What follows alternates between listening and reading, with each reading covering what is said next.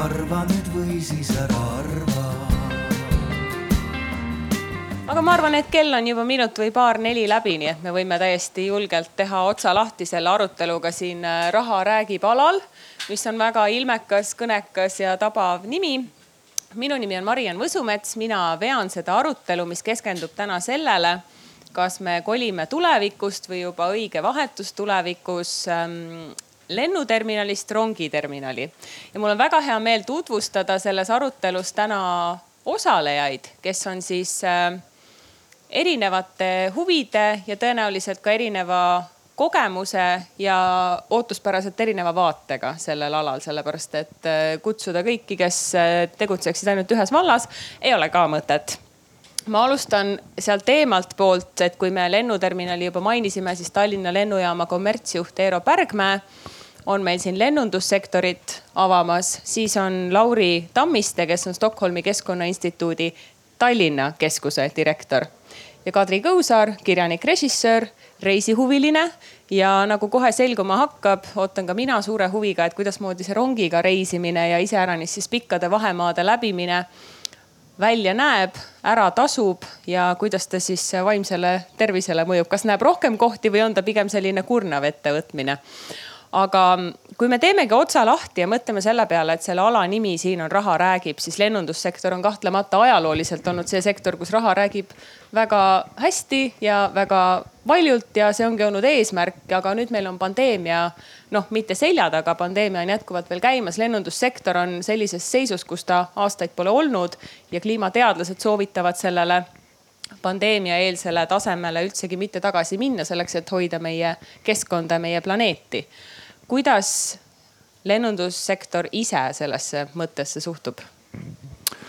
tervist jah, et äh, võib-olla kui kuskilt kaugemalt peale hakata, siis äh, tegelikult kõik miljardärid, kes endale on ostnud lennufirma, on lõpetanud miljonäridena. ehk siis, kui viimase kolmekümne aasta investeeringute tasuvust vaadata, siis äh, lennufirmasse investeerimine tegelikult ei ole olnud niimoodi noh, esimene valik. ja et, et see raha räägib jah, ta on seotud suurte rahadega, suurte, suurte inimhulkade liigutamisega aga ta ei ole läbi ajaloo olnud kõige kasumlikum äri, selgelt. et juba, juba tuleme selle juurde. nüüd äh, lennundus on läbi teinud mitmeid kriise. no see ei ole esimene kriis ja suure tõenäosusega ei jää ka viimaseks kriisiks. et äh, tänasel hetkel äh, see pandeemia on muidugi kõige hullem, mis on kolmekümne aasta jooksul juhtunud. noh nüüd väga-väga selgelt. ja taastumise mõttes noh, loomulikult lennundus ei tule sellest välja endisena. ta tuleb välja teistsugusena, suure tõenäosusega väiksemana, kui ta siiamaani oli aga ma loodan, et kvaliteetsemana. Ja ma, see on teema, mida me saame pärast avada, et, et mis siis tähendab, et lennata vähem, aga lennata kvaliteetsemalt.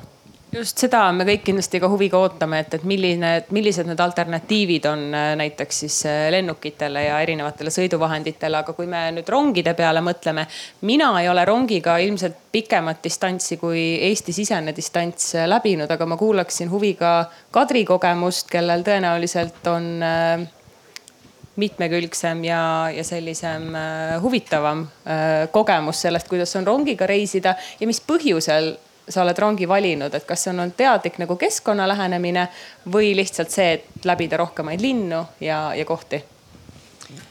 tähendab sellel ajal, kui ma olin kirglik Äh, rännutüdruk, siis tegelikult oli kõige tähtsam äh, asi ikkagi äh, säästlikkus otseses mõttes ehk siis rahalises mõttes. et ma arvan, ma valisin tihtipeale rongi just selle tõttu, et, et see oli odavam lihtsalt et oli veel isegi see periood jah, kus näiteks sõita siis ütleme Hispaaniast Prantsusmaale või Itaaliasse ja noh, muidugi Itaalia siseselt ma veetsin lihtsalt ühe semestri mm, äh, mingi stipendiumiga Itaalia Bologna ülikoolis, et siis äh, see rong oli seal ikkagi ütleme liiklusvahend number üks, noh buss oli palju vähem levinud näiteks, meil on võib-olla vastupidi. aga ma mäletan seda mm, transformatsiooni, kui siis ühel hetkel oli lennupilet odavam kui rongipilet, siis võtamegi näiteks ütleme Barcelona, Pariis või, või noh, midagi sellist, et noh, see oli minu jaoks kuidagi crazy ja ma arvan, et nüüd äh, seoses rohepöördega ja et ikkagi kogu maailm ärkab üles, et me peame hakkama kuidagi säästma, peame hakkama kuidagi vähem sa saastama. et äh, tuleks mõelda sellele, et see tegelikult ei ole normaalne, et, et lennupilet on odavam kui, kui rongipilet, et seal vahepeal ma mäletan, oli EasyJet oli näiteks kakskümmend eurot oli, oli, oli pilet, et, et siis jah, et, et, et ma ütleme siis, kuigi ma pean ennast veel ikkagi suhteliselt nooreks inimeseks, siis mina nägin seda aega, kus siis ikkagi alguses oli rongiga odavam, aga siis oli äkki lennukiga odavam ja nüüd võib-olla siis ähm, ma ei tea, et noh, hetkel ikkagi ma arvan, et on rongiga taaskord odavam mm. -hmm no Lauri, neid sektoreid on kindlasti palju, kust kohast seda kokkuhoidu võiks alustada, kui me räägime kokkuhoidu vähema kliima saastamise mõttes, aga kuna me täna räägime lennundusest ja me täna räägime rongidest kui ühest alternatiivist, aga ka teistest alternatiividest, siis äh, mis kursil me ikkagi praegu liigume ja kui suuresti see lennundus sellesse siis ikkagi panustab? Äh, ja, ja kas see on see kõige suurem kurja juur või kui suur, kui, kui suure mõju me võiks saavutada sellest, kui me lennunduse mingil moel ümber mõtleks? kui paha on Eero? jah, no arutame seda. Äh, ja tere kõigile minu poolt ka. Äh, no sellel nädalal tuli välja, eks ju, IPCC äh, uus raport, mis noh, tegelikult ega, ega sealt ju ei tulnud mitte midagi üllatuslikku. pigem selle raporti, ma arvan, noh, ütleme sõnumi võiks kokku võtta, et oota, kas te ei saanud eelmisest aru või?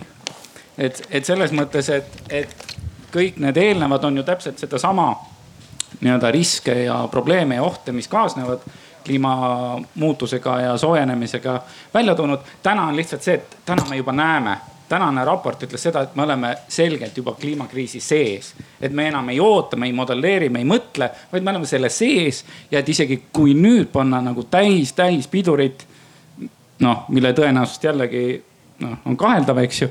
et, et isegi siis jätkuvad paljud nii-öelda geofüüsikalised, bioloogilised muutused, eks ju. ikka veel kümnendeid, mõnel juhul isegi sadu aastaid. nii et, et noh, jah, et, et see sõnum oli ikkagi väga selge, et juba täna me näeme seda erinevaid probleeme igal pool ja kui, kui Eestis vähemalt noh, ma mäletan veel mõned aastad tagasi mõnusalt oli, oh meil läheb soojemaks ja, ja nüüd me näeme, et tead, et isegi see kuumalaine on ikkagi, võib täitsa kuum olla. et lausa, et mingid olulised asjad ei püsi külmana. ja, või et mingid kohad võivad ka meil ikkagi üle ujutatud olla nii, et mitte ei ole ainult lõbus pilt, vaid ikkagi hakkab juba segama elu. et ähm, aga kui vaadata suures pildis, et, et noh, et kus see lennundus ja transport selles pildis on äh, CO2 emissioonide ja, ja selle nii-öelda keskkonna jalajälje mõttes, siis transport noh, ütleme on seal üks suurtest nendest klotsidest kokkuvõttes, et ta on, no sõltub nii-öelda majandusest, aga keskmiselt ütleme võib-olla viiendiku või, või neljandiku. Äh, sõltub, sõltub ka, eks ju, milline on energia tootmine antud riigis, aga no ütleme, ütleme viiendiku, eks ju. ja, ja, ja lennundus sellest iseenesest ei ole suurim. aga mis on oluline, ma vaatasin seda, et, et äh, oli Euroopa Komisjon oli teinud sihukese väikse nii-öelda kokkuvõtte, et kus me täna oleme võrreldes tuhat üheksasada üheksakümnega, eks ju. vaadati, et energeetikas, palju seal CO2 emissioonid hoonetest, soojussektorist, eks ju. transport, põllumajandus, tööstus. Nendest kõikidest sektoritest oli üks, milles ei olnud emissioonid vähenenud. see oli transport, üllatuslikult, et, et kõikides muudes valdkondades tegelikult on asjad muutuma. samamoodi Eestis, kui me vaatame Eestis taastuvenergia osakaal on kasvanud kiirelt, eks ju, elektris, soojamajanduses hoonete energiatõhusused on paranenud ja nii edasi, väga mitmeid samme on tehtud, aga transport on ajalooliselt natuke sarnaselt võib-olla põllumajandusega olnud sihuke püha lehm, et no liikuda ikka on vaja ja kaubad peavad liikuma ja inimesed, et no kuidas nüüd, et noh, tegeleme muudega. jätame selle rahule, noh põllumajandus samamoodi, et noh, toit sööma ikka peab ja ega me ei saa nüüd jääda nii-öelda nälga. ja, ja noh, see ongi tegelikult, äh, raha on rääkinud sõna otseses mõttes, et lennundus ja transport ei ole olnud hõlmatud see Euroopas äh, süsinikukaubanduse süsteemis, ETS-is. mis on ka kohe väga selge signaali andnud, kütke edasi. ja, ja, ja on köetud edasi, eks ju. Äh, siiamaani, nii et, et jah, ütleme. tõesti, Eestis on täpselt sama trend, et ka Eestis on autostumine kasvanud, transpordikütuste tarbimine kasvanud, aga, aga siin ei ole Eesti kuidagi unikaalne, et see ongi see, et lihtsalt kuna Euroopa tasandil seda sektorit ei ole veel hakatud nii palju pigistama alles nüüd viimaste aastate jooksul, siis, siis ka need muutused ei ole tulnud. Ma, nagu, ma lihtsalt vahemärkusena, et minu jaoks oli üllatav ükskord lugeda, et äh, et on üks sektor, mis on täiesti rahule jäetud ja, ja kus toimuvad lausa ütleme kriminaal-trillerlikud süžeed kuskil, ma ei tea, Saudi Araabia šeikidega ja nii edasi, arvake ära, mis see siis on. laevatransport, see on noh püha saastaja. Et, et lennundus on kogu aeg kuskil niimoodi võib-olla isegi ebaõiglaselt kuidagi meedia tangide vahel aga seda, et sul palju reaalselt siis tankerid, samas meil ütleme kruiisilaevad näiteks, minu arust noh, kruiisilaevad võiks siis homme kinni panna.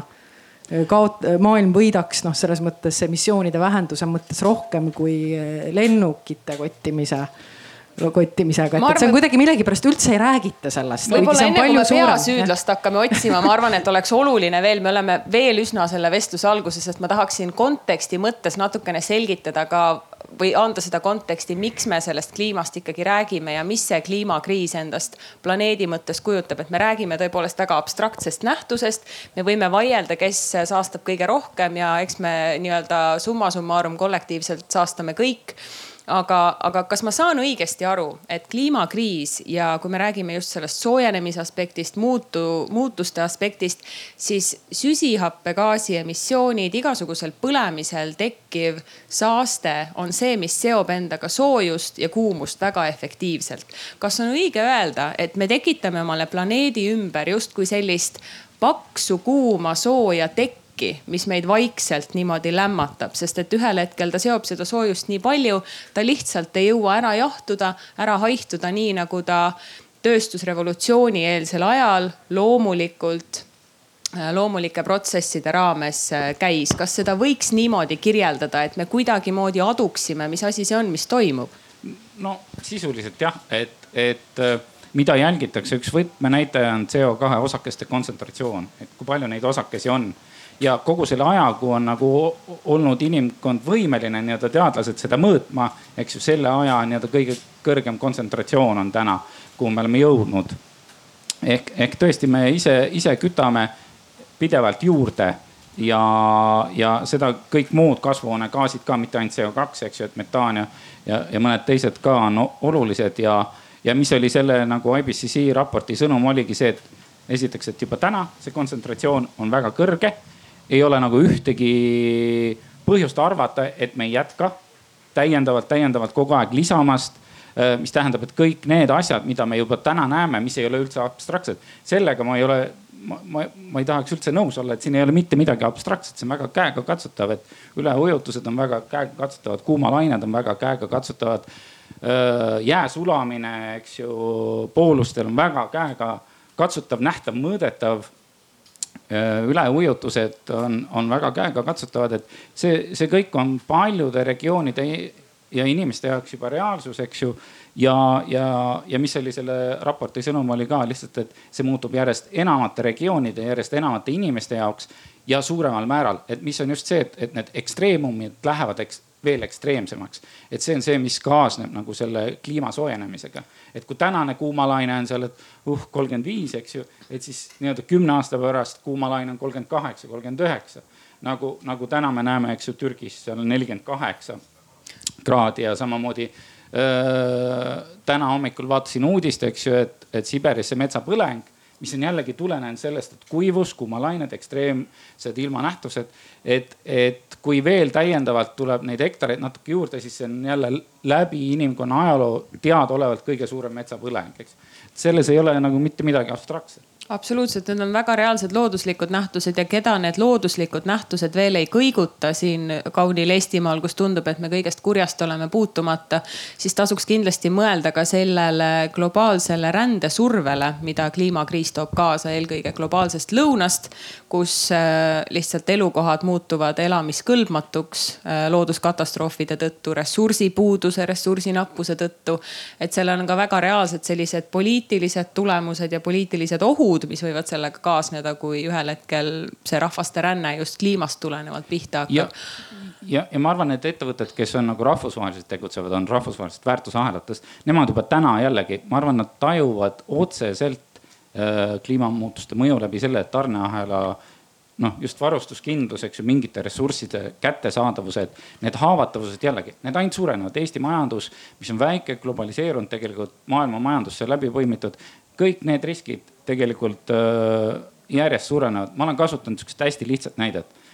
meie igapäevane, eks ju, Circle K kohv äh, või mis tahes kohvi siis, eks ju, et, et me võtame seda nii iseenesestmõistetavana, aga näiteks hinnang, eks ju, et Kolumbia kohvi kasvatamine on äärmiselt äh, nagu veetundlik, veerežiimi tundlik, samamoodi puuvill näiteks. ja, ja paljud teised asjad et, et kuuskümmend protsenti Kolumbia nii-öelda tänastest kohvikasvatusaladest hinnatakse, on väga kõrge riski all, et viieteist, kahekümne aasta pärast seal ei ole võimalik kohvi kasvatada. tähendab, et asjad, mida me võtame nii iseenesestmõistetavana, muutuvad kas väga kalliks või üldse mitte kättesaadavaks või, või nagu noh, palju raskemini kättesaadavaks. et, et, et seetõttu noh, ongi, et me ma arvan, tõesti need, kes nagu täna tegutsevad globaalselt, teavad, sest neile on kohale jõudnud kõik need asjad, et see majanduslik risk, mingi asja kindlustamine, mingi logistika, tarnete kindlustamine, et see on juba täna, see kliimafaktor on sees. aga see jõuab, jõuab järjest enam just väga lihtsate asjade läbi hakkab jõudma eestlasteni, ma arvan. Eero, ma üldse ei kahtle selles, et lennunduses äh, tegutsevad väga mõistlikud inimesed, kes sellest kõigest aru saavad, et küsimus ei ole täna ju selles, kas kliimamuutused toimuvad või mitte. et ma pigem küsiksin niimoodi, et äh, mis on need proaktiivsed sammud, mida täna lennufirmad, lennuettevõtted, miks mitte lennujaamad äh, ise saavad ette võtta selle asemel, et jääda ootama, mida nüüd poliitikud otsustavad, et me tegema peame hakkama Kadri tegelikult ütles väga hästi, et lennundus on nagu üle demoniseeritud. et, et kui, kui Greta ka tuli nagu oma sõnumitega, siis noh, lennundus oli üks see, mis nagu tõsiselt pihta sai äh, selles protsessis ja no kokkuvõttes globaalsest CO2 emissioonist lennundus on kolm pool protsenti. et, et noh, ei ole üleliia palju, onju. aga häda on see, et lennundus on kasvanud lihtsalt viimase kolmekümne aastaga meeletult ehk siis isegi kui see CO2 ühe inimese kohta on ta vähem, siis lennureisijate hulk on lihtsalt nii palju suurenenud, onju, et, et see on see probleem et äh, mis me teeme, tänasel hetkel on kõik Euroopa, kogu lennundussektor on võtnud eesmärgiks, et me kaks tuhat viiskümmend oleme kliimaneutraalsed. Äh, lennujaamad saavutavad selle kiiremini, sest Tallinna lennujaama puhul, äh, kui me teeme ära nüüd oma päiksepargid siin lähema viie aasta jooksul, siis me kolmkümmend protsenti energiast juba toodame ise. ja, ja kuna ka see tehnoloogia areneb ja me kasutame ka järjest keskkonnasõbralikumaid ja säästlikumaid materjale siis kokkuvõttes nagu Tallinna lennujaam muuta kliimaneutraalseks aastaks kaks tuhat kolmkümmend viis on täiesti tehtav. lennukitega on see häda, et äh, selle lennukiga lennates te tahate olla kindel, et see mootor töötab, onju. ja selleks, et uus lennukimootor tuleks turule, see võtab aega kümme aastat. ja tavaliselt äh, järgmine lennukimootor on eelmisest umbes viisteist protsenti säästlikum ehk see noh, see sääst tuleb niisugune kümme, viisteist prossa kümne aasta peale on see, mida sa saad sealt nagu tavalennundusest ehk siis seal on ainult üks lahendus ja need on äh, nii-öelda nagu taastuvad lennukikütused. et seal on siis kaks varianti, et no üks variant on see, et, et seda biokütust panna paaki ja teine variant on siis see, et põhimõtteliselt osta ikkagi neid äh, roheosakuid, kas siis kaubelda ITS-iga või millegiga.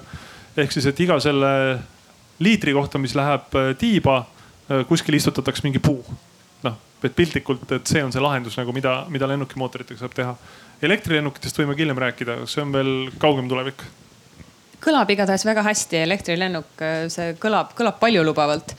Äh, mulle tundub, et elevant ruumis alati igas seltskonnas ja eelkõige suguvõsa kokkutulekutel on selline teema nagu Rail Baltic ja ma arvan, et me võiksime seda adresseerida ja kui me siin rongid juba mängu tõime, et Kadri ähm, mõtteid, arvamusi Rail Balticu osas, et me täna teame, et ta kindlasti tuleb, palju vaidlusi selle ümber on olnud, aga ega mina vähemalt isiklikult mingit muud alternatiivi sellele ei näe, kuidasmoodi me siis nagu oma regiooni selle ülejäänud Euroopaga peaksime ühendama, kui me ühel hetkel tõesti tahaks, et meil oleks see alternatiiv, et siis äh, rongiga käia Euroopas.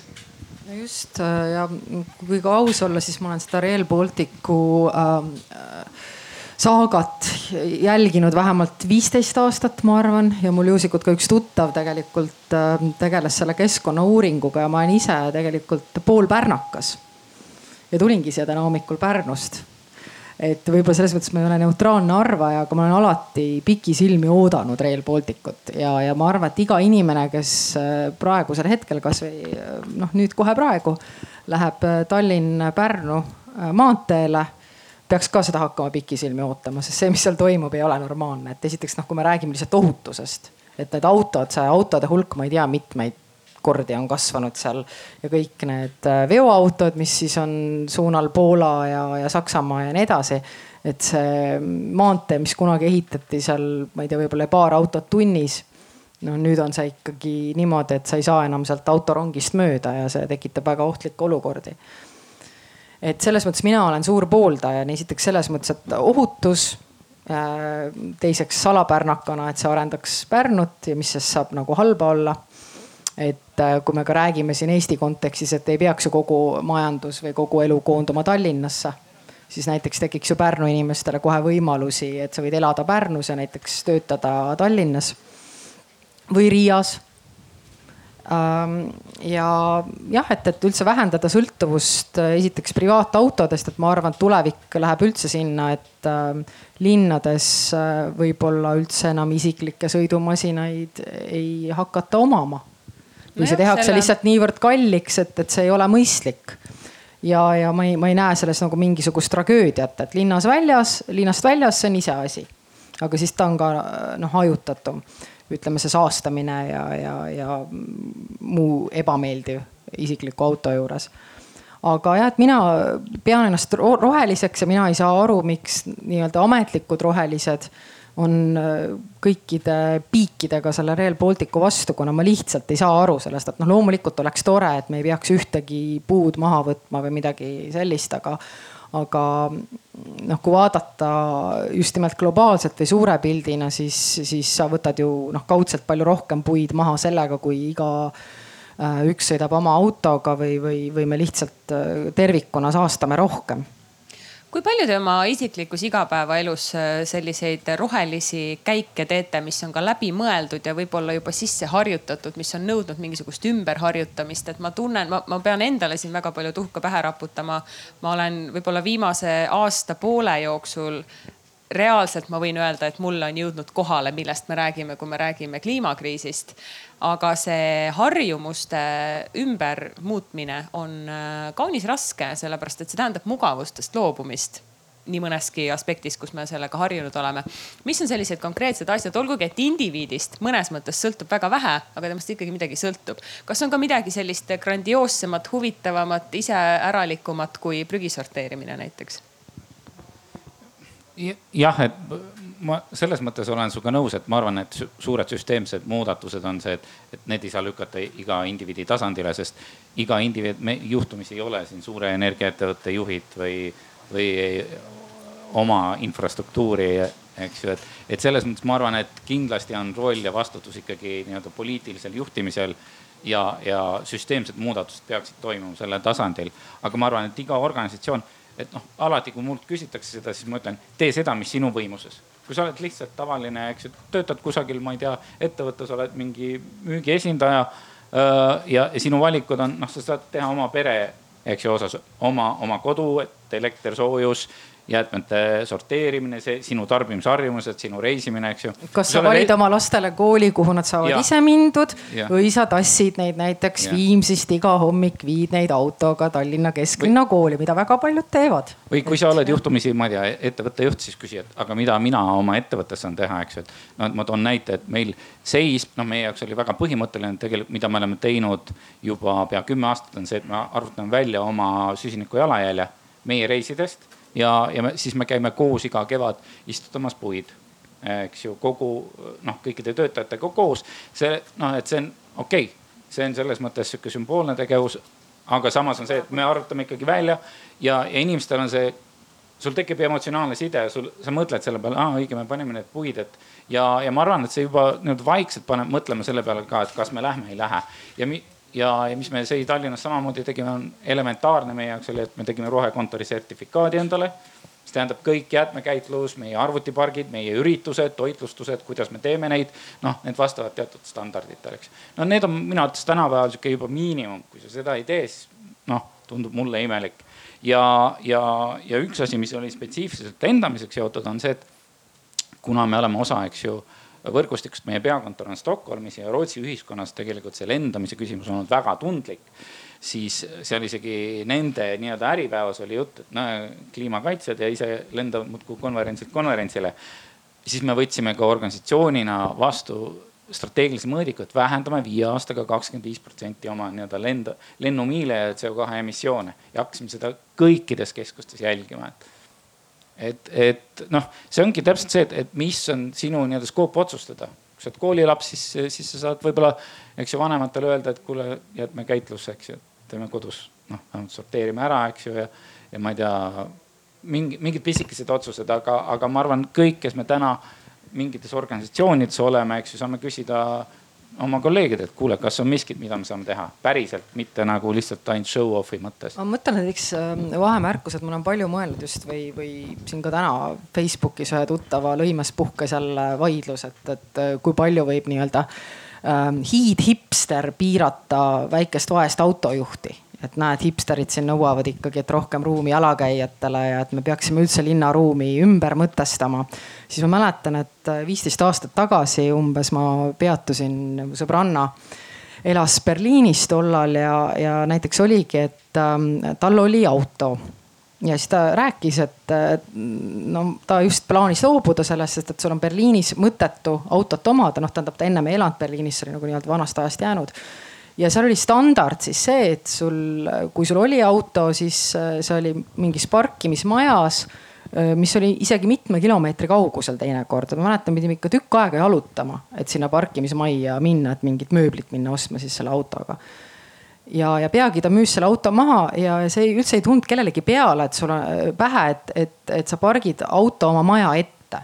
siin on Tallinnas selline asi, et me tulime välja ühe kolleegiga siis Tallinna linnavolikogust. et äh, aga teeks Tallinna kesklinna parkimise äh, kolm korda kallimaks, ma rõhutan ainult kolm korda, mitte kümme, mitte kolmkümmend. no see ei lennanud absoluutselt, see idee, noh, see oleks umbes nagu noh, ma ei tea öelnud, et anname peksa sulle et see oli see... nagu mingi inimõiguste rikkumine, kusjuures see peaks tegelikult olema normaalne. see ei ole normaalne, et Tallinna kesklinnas parkimine kohalikule elanikule maksab nelikümmend senti päevas no kuulge et, et noh, ühesõnaga Berliinis oli juba viisteist aastat tagasi, see oli normaalne, et sa elad linnas, sul, sa ei, sa ei pargi enda maja ette, kui sul üldse auto on. ja kui sul on, eks mul oli tuttav muusik, kellel oli vaja kusjuures tihti vedada mingeid kitarre ja võimendajaid, selliseid asju tal oli ka auto pargitud lausa mitme metroopeatuse kaugusele ja siis ta tuli, äh, tõi sealt, sõitis metrooga sinna parkimismajja, tõi auto oma korteri ette, tassis oma need äh, instrumendid sinna sisse viisteist minutit oli see mingi emergency parkimine ja nii edasi. aga siin on niimoodi, et kui sa kellelegi seda ütled, et sa ei tohi või ei saa või see, see ei ole inimõigus, et sa ei pea oma kortermaja ette saama parkida, et seal all võiksid olla üldse näiteks puud ja põõsad või mingi välikohvik ja see e-, ergutab linnaruumi ja see on meie kõigi sissehingatavale õhule parem ja see on tegelikult see, mis Euroopas on juba ammu-ammu olnud. siis ikkagi isegi Tallinna linnapea ütleb, et aga kuidas ma siis noh, demonstreerin oma, oma rikkust või, või, või oma edukust, kui ma ei saa oma uhke autoga sõita, et, et ma arvan, et see ikkagi selles mõttes on õige, et midagi on, on, on vaja siis ütleme võimuritel ehk siis linnapeal ja poliitikutel ja nii edasi, kes saavad mõjutada otsuseid või suurettevõtete juhtidele, aga samas ikkagi on mingi mentaliteet rohujuure tasandilt, mida ei saa ka ignoreerida. et, et ja ma arvan, et selles alas on ikkagi eestlastel veel väga pikk tee minna noh, hinnastamine on kahtlemata üks efektiivsemaid poliitilisi sekkumisi, olgu see siis indiviidi tasandil või lõpuks ka korporatsiooni tasandil, aga ma lasen Eerol ka vastata sellele küsimusele ja siis me võikski liikuda edasi tegelikult poliitiliste meetmete juurde ütleme, et see, et ma täna kogemata lennunduses töötan, ei tähenda seda, et ma nagu seal eluaeg olnud olen. et mulle tegelikult ka linnad ja linnaline liikumine on väga südamelähedane ja ma olen ka sellega tegelenud ja, ja linnade poole peal on väga palju aspekte, millega tuleb arvestada. koolide lähedus on üks asi, lasteaedade lähedus teine asi. Tallinnas sa pead last viima tahes-tahtmata vahepeal autoga lasteaeda, ei ole muud varianti. ei pea, see on muide. aga see on kusjuures kõige palju, kõige paljum on see, et mul on nagu kolm last on ju ja ma ei ole ühtegi saanud jala viia, sest lihtsalt ma ei saa kodu lähedale kohta. ja kuna mu töökoht on veel kolmandas kohas, mis on päris kaugel, on ju, et siis tegelikult ongi see, et, et kui sa ei taha kahte pool tundi oma päevast täita ühistranspordis et sul ei ole nagu väga palju variante. aga mis kesklinnasid puudutab, siis see tegelikult linna planeerimine, linna planeerimist on ka vist mingi debatt siin või? ma arvan, ma arvan, et kuskil kindlasti on siin on ju. kahjuks et, on ka viie aasta pärast ja tulemus on ikka sama. ja, ja linnaplaneerimisel on jälle see, et, et kui sa kesklinnast kõik inimesed ära ajad, on ju, siis lähevad ka sealt ärid ära. ja siis on vastupidine protsess, on see kesklinna slummistumine nii et ütleme niimoodi, et need ei ole nagu lineaarsed protsessid, et see on, on keeruline, tegelikult see on ülikeerulised otsused. no vot, see ongi, et, et näiteks lasteaiakohtadega, et millest on ju probleem tekkinud osades Tallinna linnaosades on see, et äh, paljud vanemad äh, ei registreeri siis oma last mitte enda elukoha lähedasse, vaid enda töökoha ja siis see ummistab ära teatud äh, linnaosade lasteaiad, et, et see on ka jälle siis tegelikult siin tegi Tallinna linn õigesti, et okei okay,, et me üritame, et me ise määrame või tähendab, see oli nagu koolikohtadega, aga ma arvan, äh, lasteaedadega hakkab sama toimuma. et, et ametnikud ise määravad, et siis tegelikult reaalse elukoha järgi siis puhkes ka mingi kisa, et ei, seda ei saa, et ma pean ikka ise saama valida ja nii edasi. aga siin ongi nagu täpselt, et noh, et see ei, see ei ole võimalik nagu noh, kuidas nüüd öelda, et kui sa tekki ühest otsast tõmbad, siis noh, teine ots jääb paljaks, et noh, et peab kuidagi nagu üritama niimoodi teha, et ikkagi äh, kirik oleks keset küla. et, et muidu on väga keeruline, et me kõik räägime, et jah, võiks olla rohelisem ja nii edasi, aga, aga samas noh, ütleme niimoodi, et petetakse süsteemi räägime poliitilistest sekkumistest. Lauri, millised on sellised efektiivsed poliitilised meetmed ja näited mujalt maailmas, mida me saaks Eestis kohe kasutusele võtta suhteliselt vähese vaevaga ja suhteliselt suure nii-öelda siis selle nagu reward'iga sellepärast et äh, noh, kliimaaktivistid ja, ja, ja kõik äh, noh, Eestis on see liikumine ka vaikselt kohale hakanud jõudma. et ma kujutan ette, et selline nagu Londoni metroos palju poleemikat tekitanud enda vaguni külge teipimine tõenäoliselt saab palju tähelepanu. me võib-olla räägime kliimast jälle, aga see läheb nagu reoveega jälle välja, see jutt, et kui sellele mingisugust poliitilist lahendust külge või taha ei haagita et äh, mis on need asjad, mis on äh, Eestis tegemata? kas me nüüd räägime lennundusest või me räägime äh, laiemalt? me peaks seda lennunduse fookust hoidma, aga ma luban kaasata ka teisi valdkondi. või, või, või proovime jõuda korraks. okei okay., no lennunduse osas ma tegelikult enne paneeli juba ütlesin Eerole, et kahjuks sa jäädki halvaks poisiks nii-öelda järgnevateks kümnenditeks. sest lennundus on tõesti selles mõttes üks, üks neid sektoreid, kus tegelikult äh, ega, ega seal ütleme, sest kui mujal on, ma ei tea, hooned, elekter, soojus, autokütused ja nii edasi, seal on nii-öelda süsinikuvabad tehnoloogiad kas juba kohal või tulemas ja, ja dekarboniseerimine hakkab toimuma, eks ju. tarbimise ümberkorraldamine, efektiivsuse paranemine toimub, siis, siis ega lennunduses nagu ongi, et, et nagu Eero ütles, et lennukid lähevad küll kütuse efektiivsemaks. aga, aga teisalt, mis on juhtunud, seesama, mis sina välja tõid, eks ju, et, et selle odavlennundusega on ikkagi noh see lennunduse maht on lihtsalt nii palju kasvanud, et, et see võit kuskil efektiivsuses on nagu mitmekordselt nii-öelda üle lastud selle mahtude kasvuga. et, et selles mõttes ega see on üks, see inglise keeles öeldakse hard to abate või noh, nii-öelda raske kõrvaldada äh, sektor ja, ja ilmselt seetõttu, mis juhtub, on see, et, et no okei okay,, tehnoloogia arendustesse, eks ju, elektrilennuk või, või ütleme sünteetilised kütused, noh neid katsetatakse, arendatakse kõiki, eks ju. aga lähiaastatel ma arvan, et see, mis juhtub, on e esiteks muutub elementaarseks see, et on uh, offset süsiniku nii-öelda, eks ju, kuidas see offset on? noh kompenseerimine sisuliselt noh, et, et maksad kinni, ma ei tea, puude istutamise või mingi roheprojekti, eks ju, kusagil, mis nii-öelda tasakaalustab seda.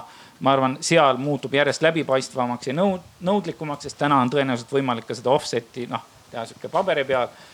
ja, ja maksustamine Euroopa tasandil, et ma arvan, see regulatiivne surve ja maksustamine Euroopa tasandil lennunduses tuleb, tuleb järjest tugevamalt selleks, et muutuks just nimelt, sest, et palju ikkagi lennunduse mahtudest on, on personaalne valik, see ei ole hädavajadus, eks ju.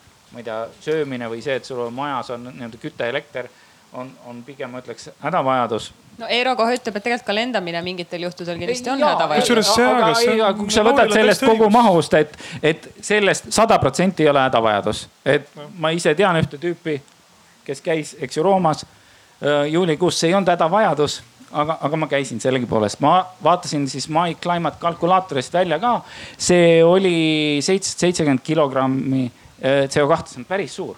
kui ma võtan oma aasta süsiniku jalajäljest, eks ju, vaatasin, et, et ma ei tea, noh, minul on küll kodus roheelekter, aga kui ei oleks, siis ütleme, üks kilovatt-tund on keskmiselt tootmine, tähendab üks kilo CO2 ehk noh, see on sihuke vaatasin, et sada viiskümmend kilovatt-tundi oli mul siin elektritarbimine, see on ikkagi mitme kuu elekter, eks ju, see üks, üks käik, et selles mõttes need äh, ja, ja, ja mida ju viimane poolteist aastat on näidanud, on ikkagi see, et, et päris palju tööd saab teha ära mitte kohale minnes, eks ju. Et siin et... ongi see, et see muutus tegelikult on, on juba tulnud mm. ja, ja siin noh, sa nimetasidki toredat asja, nihuke asi nagu city break on ju. City break tähendas seda, et sa said nagu kahekümne euro eest lennata näiteks Londonist Lissaboni ja seal mõnusalt pidutseda. ehk siis, et noh, keskkonna mõttes nagu täiesti mõttetu projekt aga seda tehti sellepärast, et eh, odavlennufirmad suutsid seda teenust sellise hinnaga pakkuda.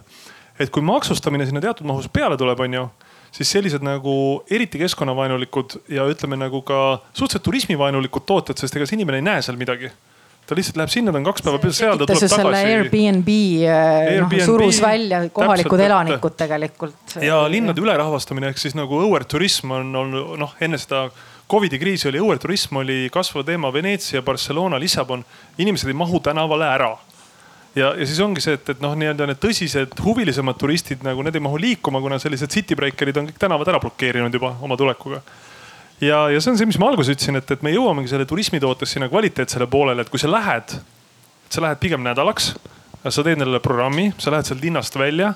ehk siis jah, see teenus on kallim, aga sa tarbid ka seda palju teadlikumalt et sa ei tee otsuseid sellepärast, et on odav. noh, et ma arvan, see oleks hästi oluline. aga ma arvan, et, et äh, ka selline nii-öelda rohkem see slow turism või selline, ka see väärtuspõhiselt pluss äh, nii-öelda majanduslikel kaalutlustel, ma arvan ikkagi selline aeglaselt rongiga minemine kuhugi tuleb palju rohkem pilti. et, et ma tean, minu enda kolleegid kes Stockholmist käivad kuskil Euroopas, nad on järjest rohkem hakanud minema rongiga ne,. Neil on ikkagi võimalik ka rongiga enam-vähem normaalse ajaga jõuda. kui sul see töötamine, töökoht muutub ka nagu paindlikuks, sest et Eestis siis kui meil see Covid tuli, onju, enamus ettevõtetes Skype, isegi Teams oli väga paljudes olemas, et see käis hästi kiiresti, onju. et no ütleme nii, et mul Lufthansa kolleegid ikkagi ikka vaatasid seda Teamsi esimest korda ikka sellise näoga, et kas ma nagu päriselt peangi teiega nüüd läbi ekraani siin niimoodi rääkima või? on see ikka turvaline üldse nagu, et ma siin teiega. ehk siis äh, Lääne-Euroopas tegelikult see muutus äh, selliste digitöövahendite peale, see on palju raskem, noh, nad ei olnud sellega harjunud. ma lihtsalt ütlen lõbusa vahemärkusena, et no mu abikaasa on äh, Suurbritanniast ja seal näiteks osadel riigiametitel äh, puudub email. vot nii ja, ja korrespondents või, või kogu kirjavahetus käib siis ikkagi vana kooli moodi kirjakasti ümbrikuga. ja lihtsalt ei ole emaili, vot nii. ei saa ka helistada. ja kokkuvõte ongi see, et tegelikult äh, mõistlik on lõpuks nagu äh, lennata nendel inimestel, kellel on see nagu vajalik ja, ja kus see toob, toob tulu sest seesama Rail Baltic, et äh, oli väga hea debatt oli enne, ma kahju, et ma ei jõudnud kõike kuulata. aga, aga Rail Balticul on ka näiteks, et kui tulevad teile uued rongid, on ju siis nad suure tõenäosusega tulevad garantiiga. mis tähendab seda, et kui selle rongiga midagi juhtub, siis peab kuskilt kohale lendama mingi spetsialist, kes võib sellele näpu külge panna, sest kohapealsed inimesed ei ole. ja, ja kui see inimene hakkab Šveitsist näiteks tulema nagu jala, on ju, siis suure tõenäosusega see rong seisab päris kaua, enne kui see mees Šveitsist kohale jõuab ja seda parandama hakkab ehk, ehk siis on mingi grupp inimesi, äh, mis puudutab siis tarneahelaid, tootmisteenuseid, on ju, kes tegelikult peavad lendama. noh, lihtsalt maailm on täna nii üles ehitatud, teisiti ei saa see grupp jääb alati alles no see, see, e, aga seesama käib kogu. võib-olla minnakse vaata nagu tagasi, et, et ma mäletan, kui minu esimene leislennukiga oli, kui ma olin seitsmeteistaastane ja siis, siis veel oli, noh, ütleme aasta oli siis tuhat üheksasada üheksakümmend seitse, et noh, et siis veel oli see aeg, et see oli noh hirmus, hirmus kallis. ja siis oligi, et ikkagi sa pidid olema, ma ei tea, tohutu rikas või siis pidi olema tõesti mingi põhjus, et, et sa läksid, ma ei tea, õppima või, või töö, tähtis tööülesanne, et see jah, ma arvan, et just see city break või siis need äh, poissmeeste armeed, eks ole, kes ummistasid ära Ida-Euroopa ja äh, nii-öelda ilusad vanalinnad et, äh, et võib-olla jah, me läheme siis ka nüüd tänu koroonale, noh tänu jutumärkides ja, ja muidugi, et, et see peaks minema kallimaks, selline eluviis. et võib-olla me jõuame tagasi sinna tõesti. Ja nüüd ma ise, ma viimati lendasingi tegelikult novembris äh, kaks tuhat kakskümmend, kui ma käisin filmivõtetel, et, et siis noh, see tundus ka justkui, et on nagu põhjus minna, aga, aga see oli hästi kummaline tegelikult see tunne, et, et, et tol ajal ju noh, saigi reisida ainult siis tähtsatel perekondlikel põhjustel või, või siis tähtsatel ärilistel või tööalastel põhjustel. Et, tahaks, et miks mitte tegelikult, et ma miks ei tahaks- võikski nii olla, et, et ja me ja siis nii-öelda see rekreatiivne reisimine või lõbureisimine toimub siis meie enda piirkonnas, et, et kuhu siis saabki minna rongiga no see oleks muidugi Aga- imeline, kui see vestlus oleks inimestel kuklas järgmine kord, kui nad oma lennupileti või lennupileti pakkuja lehe lahti võtavad. ma lihtsalt kahtlustan, et see ei pruugi nii olla. aga ma tahaks visata õhku küsimuse tegelikult teile kõigile sellise pigem, pigem mitte otseselt filosoofilisem, aga kui me ikkagi mõtleme sellele, et me elame ja oleme elanud ju väga kapitalistlikus maailmas, mis on suunatud kasumi teenimisele. kui me seda kasumit tahame edasi teenida, mis tähendab seda, et me peame tootma ja kui kõik on suunatud sellele, et, et see tootlus ja kasum ikkagi võiks aja lõikes kasvada, siis see on ju selgelt vastuolus sellega, juhul kui see kõik nüüd sada protsenti kliimaneutraalne ei ole, mida ta ei ole ja ei hakka lähitulevikus ka olema. siis kas ei ole nagu juba selline fundamentaalne sisse kirjutatud vastuolu kõiges selles, kuidas me elame, kuidas meie majandus on korraldatud olgugi, et me üritame siin komakohti paika panna ja aastaks kaks tuhat viiskümmend midagi saavutada, mis on ka kliimateadlaste seisukohast ikkagi juba liiga hilja. et kas siin ei ole nagu selline sisemine sisse kodeeritud vastuolu, et me tegelikult teeme ühe sammu edasi ja kaks sammu tagasi? ei pea olema selles mõttes, et ma arvan, et igaüks, kes vaatab korra enda elustiilile otsa, et, et väga-väga paljudel noh, et, et peaaegu kõikides valdkondades on meil ületarbimist ju. et on, on see riietega, on see jalanõudega, on see elektroonikaga, eks ju, et Euroopas noh, elektroonikajäätmeid tekib vist umbes sama palju, kui kõik Euroopa täiskasvanud panna korraga ühe kaalu peale et lihtsalt sellepärast, et me tahaks ikkagi natuke uuemat ja ägedamat iPhone'i, et kolmast vana päris piinlik on välja võtta, eks. et, et ja kas meie elukvaliteet kukub radikaalselt, kui nüüd teeme selle otsuse, et okei okay,, tegelikult noh, ühe aasta veel või, või isegi kaks, eks ju. ei, ei kuku elukvaliteet täpselt samamoodi, eks ju, riiete osas, et poole võrra ostan vähem riideid. ma arvan, jääd. ostad ainult second hand'ist. jah, või ostad second hand'ist, eks ju et, et ma arvan väga, mitte midagi ei juhtu elukvaliteediga, ikka on päris hea. et, et selles mõttes ruumi nagu seda targemalt tarbida on nii meeletult ja, ja samamoodi see nii-öelda ressursside, mida kutsutakse ringmajanduseks, eks ju, et jäätmete parem ärakasutamine, et täna Euroopas, ma ei tea, kakskümmend midagi protsenti suudetakse ära kasutada. See tähendab, et noh, hiiglaslik, hiiglaslik kogus, aga needsamad ressursid, et mida, mida muutub nagu kallimaks kõik, kogu ressurss, eks ju, mida ta kahtlemata muutub ja, ja teiselt poolt see regulatiivne surve, et küllap leitakse lahendused, eks ju, nii-öelda võtta kõiki neid ressursse uuesti kasutusele. mis tähendab seda, et tegelikult nagu elukvaliteeti ta, tagada, kõrget elukvaliteeti öö, oluliselt nii-öelda vastutustundlikumal, mõistlikumal moel on täiesti tehtav, et seal ei ole nagu, seal ei ole muud piirangut peale selle, et siiamaani on lihtsalt liiga lihtne olnud äh, nagu elada nii, nagu me elame. see on lihtsalt teatud... liiga lihtne olnud sellepärast, kes, kes see muutub, inimesed jooksevad ikkagi oma isiklikus elus ja kõiges muus mitu korda ikka jookseb peaga vastu seina, siis hakkad mõtlema, et äkki peaks teisiti.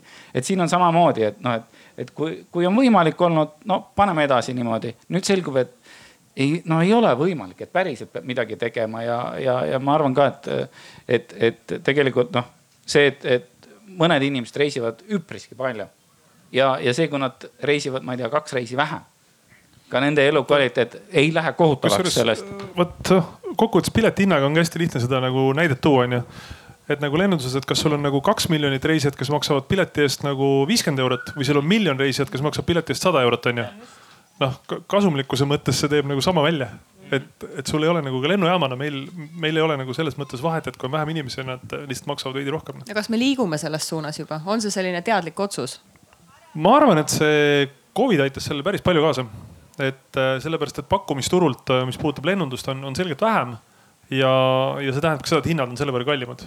Noh, veidi nii et see on selles mõttes nagu mingi kõrvalmõju, millega üldse ei arvestatud, aga ma arvan, see on keskkonnale kokkuvõttes, see Covid on keskkonnale väga positiivne.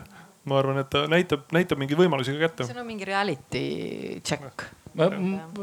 ja ma arvan, et tegelikult väga paljud inimesed ju, ju nagu hindasid korraks, et mis on väärtuslik nende elus, eks ju, et millest nad tõesti tunnevad puudust. ja, ja mis on see, et, et vajalik, eks ju, et see, et tervis, pere mingid asjad, noh, et saad aru. Või see, et, et kui inimesed tundsid, et tead, et tegelikult linnakorteris istuda võib-olla, et saab teistmoodi töötada, maale minna, noh ma arvan, et kõik, kõik, kõik sellised asjad on tegelikult väga olulised mõttekohad ja, ja, ja ma arvan, et tõesti tegelikult seda, seda lennundust ja transporti ja liikuvust, ta mõjutab äh, ikkagi pikaajaliselt päris palju. Sügavalt minu meelest tegelikult väga väärtuslik on ka see, kui ma meie siia kogunenud kuulajaskonda vaatan ja mõtlen selle suurepärase vanuselise läbilõike peale, et absoluutselt ei vasta tõele, et kliimamuutuste ja kliimakriisi osas on äh, ärganud vaid Z-põlvkond, kes on isegi ka minust nooremad vaid see läheb tegelikult korda inimestele ikkagi olenemata sellest, et me räägime, et meil on suur põlvkondade vahe arusaamises üldse, kas kliimakriis on päris või mitte. sest olles töötanud meedias, mina isiklikult siis alles hiljuti oli see, kus me ju üldsegi veel vaidlesime, et kas see asi üldse päriselt olemas on ja vähemalt me oleme meediaruumis liikunud edasi sellest, et meie kliimadebatid ei seisne selles, et meil on kliimaekspert ja teisel pool on keegi, kes ütleb, et seda teemat pole olemas, vaid me ikkagi juba räägime asjast. ja ma tahaks tahaks meie suurepärasele publikule öelda ka seda, et kui teil on küsimusi või mõtteid, siis andke käega märku ja teile tuuakse mikrofon ja te olete ka väga oodatud äh, kaasa mõtlema või küsima meie arutelus osalejate käest midagi aga tuleme tagasi korraks selle lennunduse juurde, ma ei taha, et mulle pärast öeldakse, et sa läksid teemast, lubasid kõigile eemale minna. mind huvitab, mis need elektrilennukid on? nüüd peaks hakkama lasteaiast rääkima jälle siis lihtsalt, et äh, teema kuskile mujale ajada elektrilennundus, et ühesõnaga, et äh, see tuleb, noh, elektriautod on juba muutunud normaalseks, onju. et mul oli eelmine suvi Berliinis oli valik, et kas ma lähen sõbra juurde maale Berliinist välja rongiga, mis oleks olnud väga tore ja romantiline. Äh, või ma võtan tänavanurga pealt elektriauto, mis maksis nelikümmend kaks eurot ööpäev vist või ja noh, nii kurb kui see ka ole, ma võtsin nurga pealt elektriauto ja see oli väga lahe elamus, sest ma sain ka mingid ümber Berliini väiksed linnad läbi käia. sinna ma läksin muidugi lennukiga, sest äh, muud varianti praegu ei olnud. vabandust, tuli minna lennukiga. et kui sa raudtee valmis ehitad, siis, siis hakkame rongiga käima. et äh, aga tänasel hetkel äh, küsimus on akude mahutavuses ja akude raskuses. ehk siis äh, kui võrrelda kütusega siis äh, see kaal on tänasel hetkel akudel kolmkümmend korda raskem kui see, mida suudetakse siin nüüd kütusest kätte saada, see energia hulk. ja, ja noh, elektrilennuk tänasel hetkel, see, mida testitakse, on suht väiksed, nad suudavad õhus püsida umbes pool tundi. noh, ja umbes kümnekohalised lennukid on täna, mis suudavad seda teha. ehk siis ta tuleb nagu samm-sammult äh, teema on ka vesinik, vesiniku tootmine on suht kallis, see stabiliseerimine on ka keeruline. ehk siis nagu vesinikulennukid võiks olla teema aga samamoodi see võtab veel kümme aastat aega. aga kui ma nüüd Eesti peale vaatan, siis tegelikult mina näen näiteks äh, kolme lennuliini, mis tegelikult kümne aasta pärast võiks elektrilennukiga lennata. küsimus publikule, mis need kolm lennuliini oleks? mina isegi ütleks Kärdla, Kuressaare ja Helsingi, sest äh, Helsingi lennuliini pikkus on täpselt pool tundi ja, ja sinna see elektrilennuk sobiks nagu trammi käima suurepäraselt, et meil on elektritramm Helsingisse. juhul kui muidugi tunnelit ei ehitata, onju, siis ei ole selle lennukiga eriti midagi teha. aga ma, ma olen pigem elektrilennuki pooldaja kui tunneli pooldaja, ma ütleks niipidi Sa. samas eh, vesiniku arutelul ikkagi pakuti välja, et väga hea lahendus nii-öelda Ida-Virumaa kaevurite probleemile on panna kõik tunneleid ehitama et, et mida vähemalt Saksamaal see... ja mujal söö, sööd nii-öelda väljumine söesektorist. see kõlab nagu Hiina mingi Mao Zedongi suur tööstusrevolutsioon, et võtame miljonid hiinlased, paneme kraavi kaevama kuskile, et see on nagu hea lahendus. ühesõnaga, see on täna see elektritehnoloogia, et autodesse ta juba tuleb. Äh, parvlaevad ju, ju samamoodi lähevad akupatareide peale juba vaikselt, aga lennundusesse võtab veel aega et....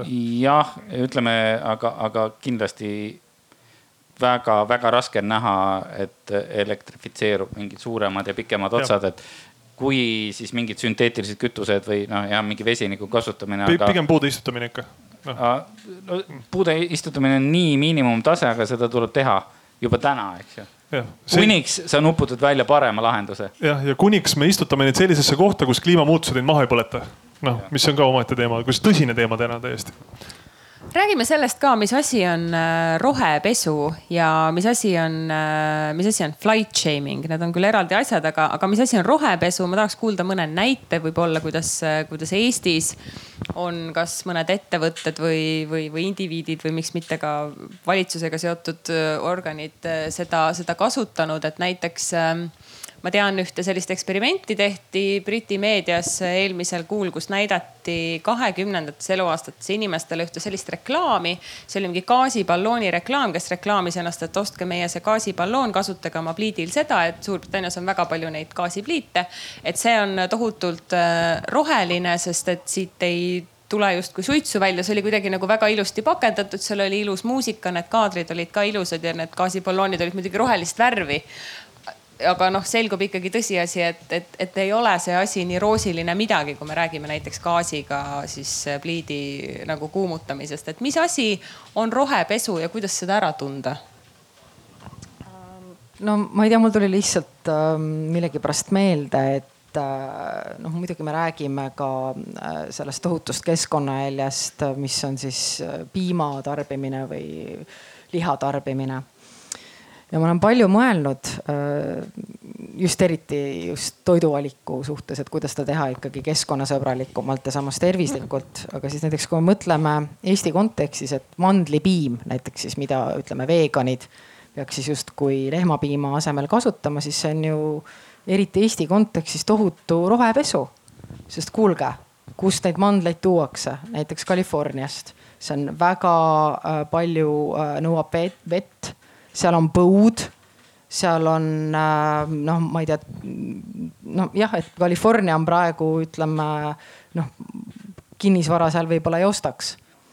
et, et äh, tohutud põlengud ja, ja põud ja, ja ei ole vett ja isegi mingisugune, ma sattusin ka hiljuti nägema äh, vaata, mis, mis on hästi kuulus film, aga mul ei, mul ei tule praegu see nimi meelde, et ta sai vist ka isegi Oscareid Ähm, mis, mis rääkis sellest, kuidas siis äh, grupp äh, kinnisvaraärimehi ostis, ostis kokku siis äh, Californias maid, mis justkui olid siis põuased, et seetõttu olid hästi odavad. ja siis kuidagi maksid seal ära kellegi seal kuskil linnavalitsuse üles, et ikkagi said need veejoad sinna viidud, et siis pärast tohutu kasumlikkusega edasi müüa. et, et ähm, noh ma, ma arvan, et igaüks tegelikult, kui me mõtleme kasvõi oma lähikonnas, et, et, et seda nii-öelda minirohepesu ju näeb hästi palju et, et noh, ma just mõtlen eriti, mis puudutab toitu või midagi. näiteks ma restoranis üritan alati küsida, et, et kust on ikkagi mingi toit pärit. et, et selles mõttes see lihtne reegel, eelista eestimaist tegelikult toimib, et kui me mõtleme sellele keskkonna jalajäljele et, et on ju loogiline, et kui teda on mul kõrval külas äh, toodetud, siis see on äh, keskkonnale parem kui see, kui teda on tarnitud kuskilt Argentiinast. nii edasi, aga ma arvan, et just äh, noh, kõige lihtsam ongi, et, et ürita ikkagi võimalikult palju siis ma ei tea, käia jala ja kasutada ühistransporti ja, ja, ja no ikkagi oma neid igapäevaseid valikuid, kui vähegi võimalik eh, niimoodi suunata, et, et see oleks keskkonnasõbralik. ma tunnistan ausalt, et ma olen ise võib-olla hakkasin mõtlema selle peale tõesti ütleme mingi viis aastat tagasi või, või niimoodi, et ikkagi ma teadlikult üritan oma elu korraldada nii, et näiteks ma autot ei oma ja kui on vaja, siis ma rendin selle, sest mul ei ole igapäevaselt vaja autot, kuna mul õnnestus saada elukoha lähedale lasteaiakohad äh,. aga, aga just kui ma neid lasteaiakohti otsisin, näiteks ma panin tähele, et, et, et see oli näiteks Tallinna kesklinnas oli kohti kõikides lasteaedades. ja samas linna peal oli nagu jutt, et, et ei ole Tallinna kesklinnas kohti oli küll. et, et ma saan aru, et see oli vist, oleneb vist, kui vanad su lapsed olid, et see oli vist mingi teatud, teatud perioodil on ju. me vist peame rohepesu juurde tagasi tulema yeah.. Too, tooks mõned sellised head näited, et me saaks kohe puust ja punaseks aru, et okei okay,, nii ei, nii ei saa teha. no ma, mulle tundub, et neid on, neid näiteid on ju nii palju, noh, see on intuitiivselt arusaadav, see, kus sa ütled, et oo, meil on väga keskkonnasõbralik, aga tegelikkus see noh, üldse ei ole, et, et meil on ju üks anonüümne riiklik energiafirma, mille logod ja värvid on, korporatiivlogod on väga rohelised. Juba kümme aastat ja see tuli välja ja no, eesrindlik vastutustundliku ettevõtja kuld, kuldstandard, et noh, et olles samas ikkagi selgelt nii-öelda üle kaheksakümne protsendi toona Eesti heitmetest ja jäätmetekkest ja veekasutusest, et, et ma arvan, et selle värvide nii-öelda vahetusega väga palju rohelisemaks ei muutunud küll, küll nüüd tasapisi muutub, aga no väga hea näide, uus õlitehas. eks ju, mille kohta, et ohoo, et, et näed, et ühe kilo nii-öelda põlevkivi kasutamise kohta, eks ju, CO2 heitmed on oluliselt väiksemad. unustades võib-olla öelda, et tootmisprotsessis Eestis aga et seda õli ei toodeta lihtsalt tootmisrõõmust, et see õli ikkagi minu teada müüakse maha ja siis see kasutatakse ära ja kui sa liidad selle siis põletamise nii-öelda laevandussektoris, siis on tegelikult nagu emissioonid kõrgemad kui tegelikult elektri tootmisel nii-öelda. üks rohepesu, mis mulle tuleb meelde, keegi võib mind parandada, kui, kui ma nüüd eksin, aga aga näiteks ongi, et, ähm, et justkui noh, me räägime, et no muidugi on tore, kui Eesti riik oleks äh, energia, et me toodaksime ise kogu energia, mida me kulutame, aga, aga siis ütleme, et ka olukord, kus äh, noh, me oleme katkestanud siis suhteid, suhted Vene gaasiga ja, ja Venemaaga üleüldiselt ja siis tegelikult ostame näiteks Soomelt sedasama Vene gaasi lihtsalt kallimalt. noh, minu arust on see ka totakas et, et, et, et see ongi, et alati tuleks tegelikult vaadata kes või mis on allikas. vahet pole, kas see on siis energia või, või on see toit, mida me sööme. et, et mida kaugemalt tegelikult seda energiamahukam, seda, seda kahjulikum ja näiteks, mis noh liha, ma vist nagu vahepeal uurisin palju seda, kuna ma veetsin kaks kuud Argentiinas, et, et siis äh, siinpool ookeani kirjutatakse vähe sellest, aga millised on tegelikult need keskkonnamõjud, et noh, me räägime küll äh, Amazoni metsade maharaiumisest, aga, aga noh, samamoodi Argentiinas, et kui palju on hävitatud seda looduslikku elukeskkonda selleks lihtsalt, et soojapõllud sinna rajada, kus siis saaks veised äh, süüa ja, ja, ja, ja need omavad hiinlased ja, ja seal on tohutud väetised. noh, ühesõnaga see on noh, nii kohutav probleem, et kui sa hakkad nagu vähegi lugema selle kohta, siis kaob igasugune isu ära osta, ma ei tea, Argentiina veist, eriti kui sa ei ole Argentiinas tuleme Eestisse korraks tagasi, et eelmisel nädalal äh, aktivistid, sealhulgas ka erakondlikud noortekogud äh, tõid välja seoses meie rongide ratta mittemahutavusega selle, et äh, ma võin nüüd numbrites eksida, aga nad heitsid majandusministeeriumile ette seda, et Tallinna lennujaamale on eraldatud ähm, kakskümmend miljonit eurot et saaks ehitada siis mingisuguse kaubaala ja selle raha võiks anda rongidele. et millise argumendiga siis neile vastu astuda? ei, tegelikult rongidele peaks ka raha andma, selles mõttes, et ega, ega äh, rongidega, ma pean natuke endale tuhka pähe raputama, sest ma olin nende oranžide rongide ostmise juures. ja me ostsime need liiga lühikesed ja me ostsime neid liiga vähe sellepärast et me seda reisijate arvu kasvu ei suutnud lihtsalt ette näha. noh, see oli meie enda pläkk on ju tollel hetkel. et me oleks pidanud neid ostma kohe nagu rohkem ja pikemaid, onju. aga siis oli iga kopika veeretamine ja noh, ütleme nagu ikka onju, raha ei ole. ehk siis äh, see, et nagu ronge kasutatakse ja see rahvale meeldib äh, ja taristu on täna olemas, muidugi tuleb juurde osta. see on Siirilegi selge. nüüd, mis lennujaama puudutab, siis äh, see kakskümmend miljonit, mida valitsus ei ole meile veel eraldanud, tegelikult läheb meil kinnistute arendamiseks, kuhu tuleb peale lennukaup ja tuleb peale lennukite remontimine. ja tundubki nagu, et kui me räägime rohemajandusest et siis lennukite remontimine on ka ju kuritegelik tegevus. noh, sest keegi ju lendab nendega. aga samas need on väga kõrge lisandväärtusega töökohad. Eh, noh, ja me räägime sadadest väga kõrge lisandväärtusega töökohtadest. ja, ja tänasel hetkel me näeme ikkagi vaeva selle nimel, et Airbusi tehas tooks osa eh, oma mingist tegevusest Eestisse. ja no see on nagu täiesti nii-öelda lennunduse mõttes eh, uued lennukid, ka palju rohkem keskkonnasäästlikud mõtlemist, IT-lahendusi, innovatsiooni ehk siis see on see, kuhu, kuhu me täna sihime selle rahaga, et see ei ole seotud sellega, et äh, kuidas reisija lennukisse läheb, et see on hoopis teine teema. ehk et teenida raha selle asemel, et keskkonnasõbralikke ronge rohkem. ei no siin ongi see, et kui me tuleviku peale mõtleme, hakkame mõtlema, kui me tuleviku peale mõtleme, et see ei ole nagu see, et üks versus teine. et see on pigem no,. Eero, ma lihtsalt publikule ja, praegu tekitad intriigi. ja me leppisime kokku, et mina olen halb enne Lauriga no,. et oled. Äh, sina oled hea, mina olen halb. et Äh, aga et, et see on tegelikult nüüd oluline point, mis ma ütlen, et minu arust tulevik on see teema, et ei ole mitte üks versus teine, vaid on üks ja teine. ehk siis on teatud distantsid, mida on väga mõistlik sõita rongiga ja on jätkuvalt teatud distantsid, mida on mõistlik lennata. ja on teatud distantsid, mida on mõistlik sõita kasvõi sellesama Bolt Drive'i, Bolt Drive'i või Citybee rendiautoga. noh, ehk siis siin ei ole nagu see, et, et me peaksime ühte eelise arendama ja siis teise kinni keerama.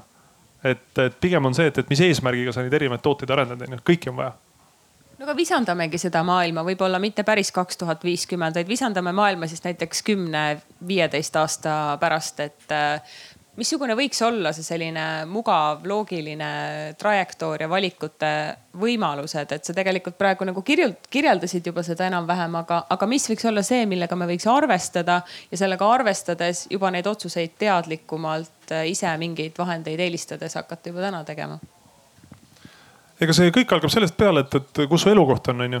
et noh, kas, kas ta on mingi ühistranspordi lähedal või ei ole, onju. et kuidas üldse nagu toimub linna planeerimine, see on jälle eraldi debati teema, ma ei hakka sinna minema, seal kindlasti keegi räägib sellest, onju. et, et sa planeerid juba elukohad niimoodi, et sul on äh, mugav kasutada erinevaid transpordiliike, sul on võimalik ka neid Bolti autosid kuskil parkida. see viieteist minuti linna kontseptsioon no, tegelikult. täpselt onju ja, ja sealt sa saad juba siis ka mugavalt kuidagi rongi peale ja, ja vajadusel ka lennuki peale onju et see tegelikult on väga suur selline linnaplaneerimise küsimus ja inimeste mõtlemine on see teine pool, kuhu me oleme ka täna jõudnud mitu korda, et, et noh, alustame võib-olla sellest, et peres on kahe auto asemel üks. et juba see oleks paljudel peredel edasiminek.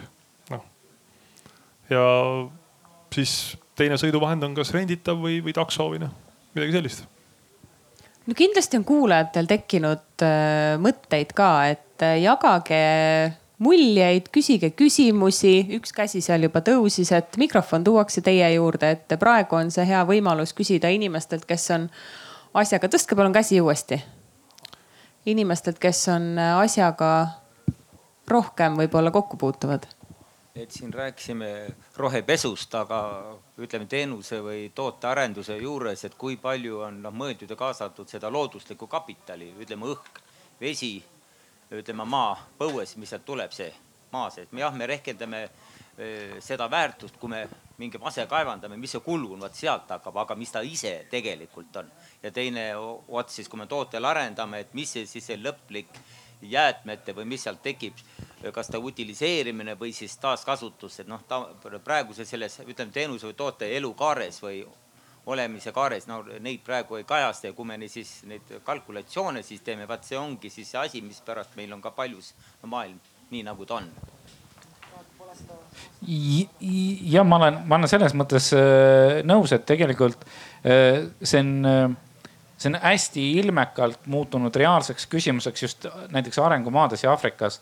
et näed, et, et me oleme, ma ei tea, looduslikud puhvrid või kasvõi Amazonases, me peaks olema maailma kopsud, aga seda väärtust nii-öelda mitte kuidagi ei hüvitata või ei maksta kinni ainult sellisel juhul, kui me selle maha võtame selle ökosüsteemi, siis me näeme, eks ju, seda väärtust, mitte säilitamise eest makstakse, aga säilitamise eest ei maksta.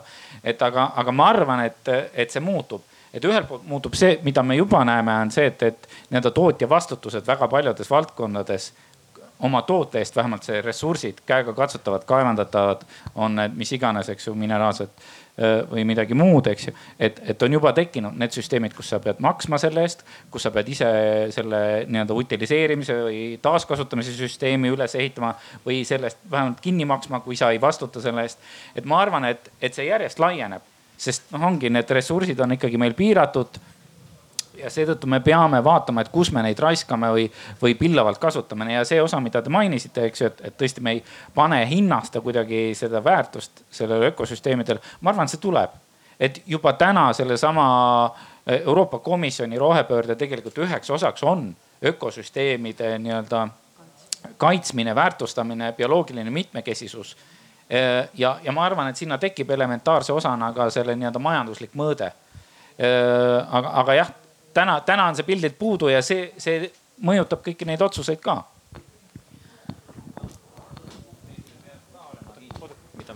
et õhu kuupmeetril peab ka olema hind, et meie jaoks ta on õhu... hindamatu asi, eks ole õhu.... ilma me ei saa olla, tegelikult noh, hinda ei ole, aga me noh kasutame, et noh.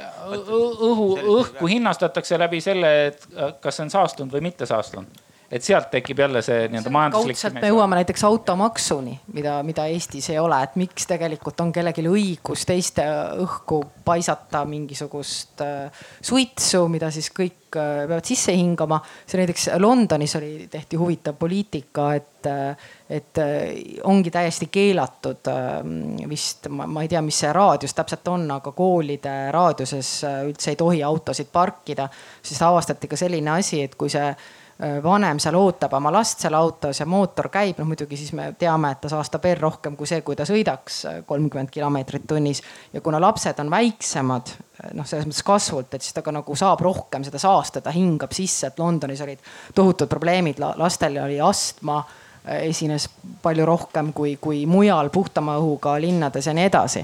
Et, et ma arvan, et see, mida see härrasmees seal mainis just nimelt, et me ei, praegu ei väärtusta piisavalt või ütleme nii, et saastamine ei ole maksustatud nii palju, kui ta võiks olla. Ja, ja, ja siin ongi seesama, mis ma, mis ma varem mainisin nii-öelda ääremärkuse korras, et et, et tore on rääkida, aga rohepesu on ka see, kui me ei aktsepteeri seda, et Tallinna kesklinnas võiks olla äkki auto omamine selles mõttes taunitav või et see oleks siis äh, kallis, et kui sa omad, et siis sa tõesti ka maksad selle eest, et sa hoiad oma rauakolak, sinu rauakolakas äh, okupeerib tegelikult seda äh, tänavaruumi, mis võiks olla kasutatud muuks et kasvõi mis iganes, istutame sinna põõsad ja, ja, ja, ja seal saavad lennata liblikad ja sumiseda mesilased. ja palun ja aitäh. ma nüüd raudteelasena, ma ei hakka nüüd kohe Eerole siin midagi äh, rääkima raudtee-eelistest, aga, aga ühesõnaga ma tahaks ühte aspekti tuua välja, mida tegelikult meie üleval oleval debatil otseselt nagu ümber Rail Balticu ja tunneli oli, eks ole, mida me tegelikult ei jõudnud käsitleda on tegelikult selle infrastruktuuri rajamisega seotud, eks ole, noh, nii looduslik jalajälg kui lihtsalt nagu selle ehitusega, eks ole, siis noh, seotud asjad. näiteks äh, ütleme, kui me ehitame Rail Balticut praegu, siis meil on väga täpselt välja arvutatud, eks ole, no mitu, mitu nii-öelda liitrit äh, mulda läheb, eks ole. mida see kohale toomine toob, eks ole, me see jalajälg on teada. me ütleme, ma arvan, et me ei ole teinud nii põhjalikku tööd, äh, kui me ehitame neljarealisi maanteid, mis tegelikult sinna läheb kaks korda rohkem tegelikult materjali sisse, kui läheb, eks ole, raudtee ehitamiseks. raudtee lihtsalt noh, mingisugune kakskümmend meetrit, eks ole. sinna noh, tuleb kõvasti rohkem. nüüd ütleme, mis on lennunduse eelis, vaatamata sellele, et nagu ütleme kilomeetri kohta see saastusmäär on kohutav. aga tegelikult ju teed ei ole vaja, eks ole, sul ei ole vaja rööpaid maha panna, eks ole, ega sul mitte midagi, ta lihtsalt lendab õhus, õhk on juba olemas, eks. et ütleme, et alati, kui vaadatakse seda võrrandit, siis peab olema, võtma nagu kõik need muutujad arvesse. et selles mõttes jah, et lennundus on natukene nagu asjata nagu saanud peksa, et tegelikult tõepoolest. või teie mitte piisavalt või? ei, ei meie, meie vaata siin ongi see, mis ma tahtsin ka rõhutada, et ei, me oleme saanud piisavalt peksa, ma ütlen sulle selles ei maksa kahelda, aga lihtsalt küsimus selles, et me oleme selles mõttes ausalt nagu tõesti noh, arvutame seda nagu igapäevaselt, eks ole. me teeme nüüd kõik need, kui meil saavad projektid valmis, me teeme uue, uue kalkulatsiooni. et selles mõttes eh, me teame, et tegelikult see tasuvus, no ütleme nii-öelda loodusega mõeldes, see CO2, me praegu räägime, eks ole, raudtee on, on kõige CO2 sõbralikum, mis on tõsi, ta on noh kordades, kordades, kordades parem kui auto näiteks, eks ole. aga siis me peame võtma arvesse nüüd selle, et me ehitame selle raudtee valmiseks ja sealt meil läheb mingisugune, ma ei tea, viis või kuus aastat tegelikult läheb nii-öelda noh kaotsi. me ei hakka kohe teenima midagi tagasi, et me tegelikult peame, kuna, kuna diiselveokid on need äh, liivamäed sinna kohale vedanud, eks ole, et lihtsalt nii lihtne ongi. aga ma ütlen, et minu meelest me oleme ühiskonnana ausad ja Rail Balticu puhul me oleme ausad, me peame vaatama ka teid, me peame vaatama ka, eks ole, laevandust, eks ole, ka siis lennundust nagu, nagu siis äh, noh, täiskompleksiga ja, ja tegelikult leidma selle tasakaalu, mida ka Eero ütles, et me tegelikult, me ei saa ühtegi äh, lennundust ei saa ära kaotada, see ei ole mõeldav, eks seda lihtsalt tuleb noh, nii-öelda, nii-öelda progress, innovatsioon peab tooma selle õigesse tasakaalu ja see miks peab olema see, mida me suudame ühiskonnana tasuda. aitäh ja väga huvitav, me võtame kohe ühe mõtte veel, aga alati äh, selles mõttes on jah raske vastu vaielda ja väga huvitav tähelepanek, lihtsalt alati äh, eriti kliimateadlikel inimestel tekib alati see küsimus, et kas meil on nii palju aega. et seesama raport ka, mida eile mainiti, äh, tähendab, mida enne mainiti, mis sel nädalal välja tuli ja teate ka, et, et kas te ei saanud eelmisest raportist aru, oli välismeedias kajastatud niimoodi, et kuulge, teadlased tõesti andsid punase tule. et alati on see küsimus, kas meil on selleks aega. jah ma on, ma, mina ei kujutaks ka ette, et me kaotame ära mingisuguse sektori, noh seda tõenäoliselt ei juhtu. aga lihtsalt kohe annan sõna, aga lühidalt, kuidas teile tundub, kas meil on seda aega, et mõelda, kuidas teha, mida teha äh, ja nii edasi? rohkem, ma arvan, võib-olla ei olegi mõtet arutada. selles mõttes tõesti see raporti noh, kõik eelnevad ju ka IEA, Rahvusvaheline Energiaagentuur, eks ju, äh, tuli ma, ei mäleta, millal nemad tulid oma viimase selle Energy Outlook, mida nad teevad iga aasta välja. ütlesid ka väga ühemõtteliselt, et, et käest on libisemas see ühe koma viie kraadi, eks ju teoreetiline šanss, mille puhul nagunii igas mudelis oli kõvasti CO2 eemaldamise ja püüdmise tehnoloogiaid puhvrina. et, et vastus on see, et ei, meil ei ole üldse aega, nagu üldse mitte, et tegelikult võib-olla me ei peaks siin ka täna olema, vaid minema tegema see, mida meie suudame oma organisatsioonides. aga ma arvan, et kõige kiiremad kohad on tegelikult ikkagi see, et, et ma arvan, lennunduses on raskem kiiret rakendada, sest seal neid välja arvatud seda, et hoida mahtusid mõistlikul tasandil ja piirata lendamist. see on ainus nii-öelda kättesaadav, lühikeses plaanis kättesaadav meede lennunduses, eks ju. mujal energeetikas on lihtsalt see, et, et kuule, teeme ära need investeeringud, eks ju, elektri tootmise poole peal, eks ju, tuulepargid, päikse, eks ju, salvestustehnoloogiad, samamoodi soojamajanduses. Need on kõik täna kättesaadavad ja energiatõhususe äh, asjad samamoodi, et noh, et äh, ja, ja Euroopas on, ei ole üldse nagu rahapuudust selles mõttes, et, et neid instrumente Euroopa tasandil, toetusinstrumente, eks ju, mida saavad kasutada valitsused, eks ju, neid on nii meeletult. noh täna see kapital on äh, kõik olemas, kus on võimalik anda nagu erasektorile ka nii-öelda väikest öö, äh, toetust ja panna asjad käima, et, et, et noh, et ma ütlen, et lennundus, lennundus nagu ma Eerole ütlesin, et kahjuks on see, et ega noh, puhtaks poisiks väga kiirelt ei saa. ja, ja muudes sektorites on see küll, et, et lihtsalt tegemise, tegemise vaev on. Hak, hakata pihta. Ja need ei ole mitte mingit spunki ei ole vaja otsida, eks ju ei ole vaja oodata mitte midagi, tehnoloog-, noh, et, et kättesaadavad tehnoloogiliselt küpsed lahendused on olemas, eks ju. et, et, et, et jah, ja, ja need noh, ütleme energeetika, elektri pool ja transpordi pool, muu on, on see, see ka suurim osa, eks ju, emissioonidest. just, näiteks mul tuli hea rohepesu näide meelde, et et Saksamaa siis ju pärast äh, Fukushima katastroofi tegi otsuse, et nad sulgevad kõik oma tuumajaamad, kuigi nad ei ole ähm, maavärina ohtlikkus või tsunami ohtlikkus piirkonnas ja, ja seetõttu äh, ja, ja siis hakatigi vähendama nende täiesti toimivate normaalsete tuumajaamade osakaalu. tulemus oli see, et muidugi tegelikult heitmete kasv tõusis, sest et sa pidid selle asendama söega noh, see on ju totaalne rohepesu, see on noh idiootsus tegelikult. et üks asi on see, et tõesti hakkab midagi sul aeguma äh, ja sa pead vaatama turvakaalutlustele, et okei okay,, see tuumajaam on nelikümmend aastat vana, et võib-olla peab vaikselt sulgema hakkama, aga kui midagi äh, on, on töökindel ja, ja, ja kontrollitud ja nii edasi ja sa sulged selle äh, äh, väikse CO2 heitmega äh, ja asendad palju-palju suurema, saastavama äh, vahendiga, siis see on totaalne rohepesu mm. -hmm. ja see käib siiamaani muide lihtsalt vahemärkus paraku ta edasi käib. võtame siit ka küsimuse või mõtte. aitäh, minu nimi on Hanna Mato ja minu küsimus puudutab seda mõistlikkuse määra. no kui palju siis ikkagi on õige eraisikuna lennata? ja ma sissejuhatuseks toon sellise näite, et kes ju logistikasektoris töötab, see teab, et maailma esimene transpordikatastroof oli ju lennunduskatastroof. et teatavasti Daidalos ja Ikaros äh, põgenedes Müntose Müntose labürindist, siis äh, Daidolosele hakkas lendamine niivõrd meeldima, et ta ei kuulanud oma isa Ikaruse manitsusi, et ära lenda liiga kõrgele ja liiga sagedasti. aga et kus on see mõistlikkuse määr, et mina olen nende, nende nendega, kes arvavad, et inimene suudab seda nagu tajuda ja ise otsustada, kui ta on piisavalt informeeritud.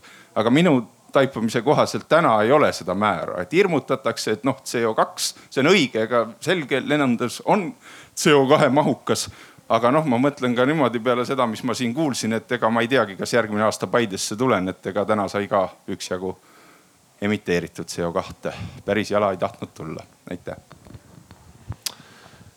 um,. kokkuvõttes ongi see, et äh, keskkonna jalajälje vähendamiseks ikkagi on see, et äh, tuleb maksustada, seal ei ole midagi teha. et tänasel hetkel transpordis, äh, on see maanteetransport ka lennundus, neid väliskulusid ei võeta arvesse. noh, ei võeta selles mõttes, et ja, ja see nagu tekitabki selle ebavõrdse olukorra, et, et see saastamine ja reisimine on odav. ta tegelikult on odav, ta on nagu meeletult odav. et kui, kui seda hakatakse maksustama kõrgemalt, et siis kohe automaatselt eh, see reguleerib ka nii-öelda reisijate arvu. samas reisimine kui selline. Eh, mina olen see aasta juba suvel käinud, käisin Hispaanias, tunnistan ausalt. miks ma käisin Hispaanias? see rikastab mind inimesena ja ma ei jäta ka järgmisel aastal kuskil käimata, sellepärast et minu jaoks on see, et läbi selle ma saan paremaks inimeseks, et ma kuskil käin, tunnetan, ma naudin mingit teist kultuuri. Äh, ma olen laiema silmaringiga ja, ja minu jaoks on see nagu tähtis, onju. nüüd, kas ma peaks neli korda aastas Hispaanias käima? no pigem mitte, onju. noh, et. äkki saab neli korda ikka targemaks. vaat seal tuleb ette ka see, et kui palju meil puhkust on ja, ja need asjad. aga noh, täiesti eraldi teema on noh, kui me nüüd sinna lähme, mis puudel reisimist puudutab, on digitaalsed nomaadid, on ju ehk siis äh, väga paljud kohad praegu reklaamivadki ennast, et aga noh, miks te talvel siin Eestis olete, et aga äkki tulete üldse Portugali tööle. noh, meil on kliima on parem, on ju, toit on meil ka poes odavam. et, et miks te peaks üldse siin olema, et, et seal tekib nagu võib-olla teistmoodi reisimine et ei minnagi nagu mitte nädalaks, vaid minnakse kolmeks kuuks ja elataksegi seal ja, ja tullakse tagasi, onju. et noh, on need trendid on mulle nagu huvitavad praegu, et, et kuidas need minema hakkavad? Jah, mina tahan ikkagi omale väga südamelähedase selle rändesurve juurde tulla, et kui me siin Euroopas tegelikult veel ja, ja ka läänemaailmas, Ameerika, Põhja-Ameerikas saame veel mõelda seda, et noh, meil on võib-olla reisimise trendid hakkavad muutuma, siis mul kuklas alati kumiseb ikkagi see, et noh ikkagi Lõuna-Aasia, Aafrika riigid, et, et noh, et eh, Austraalia isegi ka, et, et, et see rändesurve, mis sealtpoolt tuleb, et ühest küljest on meil see migratsioonilaine, mis on ka täna väga aktuaalne, mis on poliitilistel põhjustel, sotsiaalsetel põhjustel. ja nüüd lisandub sinna ka veel kliimapõhjustel ränne, siis see lihtsalt tekitab huvitavaid dünaamikaid, mida meie siin arenenud, pigem rikkas maailmas saame visandada, et meie hakkame niimoodi tegema ja siis on julgelt palju rohkem inimesi, kes hakkavad liiklema hoopis kaootilisemalt, hoopis muudel põhjustel, et äh, see võib-olla isegi pole küsimus praegu, vaid võib-olla täheldus jah, sinu jutust kinni võttes, et kui seda eelmist investeerimispaneeli ka keegi kuulas, siis tundub, et Paidesse kinnisvarasse investeerimine on hea. sest varsti on lõuna poolt rändesurve tulemas ja Eestis kinnisvara hinnad võiks ainult tõusta läbi selle. sest nõudlust tuleb ainult juurde. pinda meil veel on siin aga see on tõsiselt tegelikult mõttekoht, et, et kuna meil on väga madal elanikkonna tihedus ja kliima on ikkagi okei okay, võrreldes nagu nüüd ka juba Lõuna-Euroopa ja Aafrikaga, siis see rändesurve on reaalne teema. meil on üks küsimus või mõte veel. tere, mina Lauri. viimati lendasin kaks tuhat üheksateist jaanuaris, nii et juba kaks ja pool aastat on ilma lendamata läbi saanud kaks mõtet, üks, üks on selle lendamise kohta, et kas me ei peaks nagu arvutama mingisuguses nagu inimesele noh, nagu eelarvet või et, et ükskord lendamist no, aastas okei okay,, kaks korda võib-olla, kolm korda võib-olla juba liiast, eks ole, et praegu on äh, frequent flyer'id on endiselt äh, au sees ja, ja neile tehakse soodustusi, eks ole, et noh, et äkki nagu sageli lendamine võiks ikkagi olla nagu selgelt kallim ja, ja niimoodi tõusva, tõusva hinnaga see on üks, üks asi. teine asi on see Saksamaa rohepööre, et või noh, et, kas, kas Saksamaa tuumajaamade sulgemine on nagu õige otsus või vale otsus. niimoodi Saksamaa konkreetselt riigi pealt niimoodi arvestades, see võib olla vale otsus aga, aga maailmale tänu sellele on, on igasugused rohetehnoloogiad saanud väga suure hoo sisse. näiteks igasugune päikeseenergia arendamine et eh, maailmale võib olla see olnud kasulik, sellepärast et see, see nii-öelda päikese, päikeseenergia eh, tehnoloogia eh, Saksamaa investeerimist sinna lihtsalt nii palju, et, et see areng kiirenes mingisugune kümmekond aastat. et see, see ei ole veel päris selge, et kas Saksamaa tegi õige otsuse või, või vale otsuse ja see, selle, sa tõid väga huvitava nüansi välja, et, et kui sa küsisid, eks ju, et mis, mis, mis see õige lendamise maht siis on, et äh, ma arvan, et seda, seda keegi sulle täpselt ütlema ilmselt ei tule. ma arvan, et me kõik oleme siin nõus, et tõenäoliselt mõned lennud on päris vajalikud ja põhjendatud, ilmselt on. ja, ja siis on terve rida lende tehakse lihtsalt just because see on nii odav, nii lihtne. et on punktid ja, vaja näiteks kas, aeguvad. Ka, kas see oli kuidagi hädavajalik? tõenäoliselt ei olnud. kui me võtame nagu üldiselt selle situatsiooni, et iga, iga tonn on tegelikult või kokkuhoitud tonn on, on suur kingitus nagu väga hea. okei okay,, et, et ma ei tea, suur energiafirma teeb tuulepargi, paneb söejaama kinni, sellel on palju suurem mõju, aga iga sinu tehtud nii-öelda tarbimisotsus on see auto osas, on see, ma ei tea, mis tahes muu või reisimise osas, on tegelikult väga suur kingitus. ja, ja seetõttu noh, tasub korra mõelda, eks ju, et kas on vajalik, hädavajalik ja, ja kus on minu isiklik miinimum. aga mis puudutab sinu seda, et, et võiks anda ette selle nii-öelda carbon budget'i või CO2. tegelikult ma just täna hommikul natuke guugeldasin, vaatasin, et äh, ja, ja oli, on välja arvutatud, et selleks, et ühe koma viie kraadi sisse jääda, kui palju siis üks inimene täna meie planeedil, palju ta saab seda CO2 tonnide eelarvet, eks ju. ja, ja põhimõtteliselt noh, sellised kalkulaatorid on leitavad, sa võid huvi pärast vaadata ja mõelda siis, et palju panna oma ülejäänud parameetrid ka sisse. ma tean, SEI, meie kolleegid Stockholmis aretasid Rootsi jaoks selle personaalse kalkulaatori välja et, et täiesti sa paned kõik oma valikud, et aastas keskmiselt, kuidas ma käin tööl, palju mul lapsi on, eks ju, mis keskmiselt ja nii edasi. ja, ja tegelikult sa saad vaadata seda, et noh, et mitu reisi mahuks sinna pilti. saad tulemuseks, et võid korra käia rongiga Lätis, punkt, rohkem ei tohi kuskile minna. siis, siis sul on valikukohad, et kas ma kuskilt olen nõus natuke muus vallas oled, kokku tõmbama selleks. see, see ei, ei pea olema, võib-olla sul on see, et näiteks mul on kaks autot, võib-olla ja vaatad, et kui ühe autoga saad hakkama öö, toimetamisel, siis mahub sulle ka reis sinna carbon budget'isse, et, et noh, see on, täna on see veel personaalsete valikute küsimus, eks ju, aga ma arvan, et, et see nii-öelda üldises keskkonnas kindlasti noh, hinnasignaalid jõuavad kohale igasse sektorisse. Siis tuleb nagu nõukaaeg, et saad lennutuusiku. et keegi no kupongi keegi väljastab sulle, ütleb, et tohid minna või siis, siis ma... hakkab puhkeda selline must turg, et, et näiteks igaüks saab aasta peale ühe lennukaardi nii-öelda ja ma ei realiseeri seda oma lennukaarti, et eks müün sulle. sa si saad minna Hispaaniasse. sisuliselt ju tegelikult see Euroopa süsinikukaubanduse mõte ongi täpselt see, et Euroopa peale antakse X hulk ühikuid, mis lähevad oksjonile. siiamaani on pidanud ostma neid suured tööstusettevõtted, energiaettevõtted, eks ju kes vaikselt tarbijani kandub see edasi meie rahakotti ja siis hakkad nagu mõtlema, midagi siin toimub, et peaks ka äkki vaatama üle, eks ju. et aga, aga lihtsalt nüüd ETS-i süsteemiga liidetakse kõik sellest vabad olnud süsteemid kindlasti eks ju mingi aja jooksul ja, ja siis see hakkab jõudma ka muudesse eluvaldkondadesse meie rahakotti, et sa avastad, nüüd on see nagu kallim, et ja, ja noh, nii et kaude jõuabki täpselt see süsiniku eelarve jõuabki igaühe rahakotti, siis sa hakkadki tegema valikuid, eks ju. täna on lihtsalt see, et osad süsiniku nii-öelda emissioonid on täiesti tasutav. Go, pane, tšau, poka. me võtame lõppu kaks küsimust või mõttetera veel ja siis äh, päris lõppu võiks kuulda nii, nii teie kui ka võib-olla kellegi mõtteid publikust selle kohta, et äh, kui optimistlikud me siit tänasest päevast edasi minnes oleme näiteks Eesti tänaste poliitikute suhtes, esiteks selles, kui palju nad äh, teema tõsidusest aru saavad ja teiseks, kui palju te usute, et, et me ka mingisuguseid poliitilisi meetmeid nägema hakkame, aga, aga võtame küsimuse kõigepealt. aitäh, Toomas, olen, lendasin äh, kaks tuhat kakskümmend viimati oli juttu nendest mm, mõistlikust distantsist autoga, rongiga ja lennukiga. ma lihtsalt kontrollin ennast, et kas meil mm, mõtted nagu kokku lähevad ja, ja noh, ma hakkasin rongidistantsi mõtlema, oletame, et niisugune nädalane konverents või tööasi Äh, ja Rail Balticut küll veel ei ole, aga kusagilt mul on nagu tuksub kuklas, et, et Tallinn-Berliin nagu kõneldi kolmeteistkümnest tunnist. Äh, ja noh, ma kujutan ette, et õhtul kell kuus äh, trongi peale seal kohvitada, juttu ajada, magada.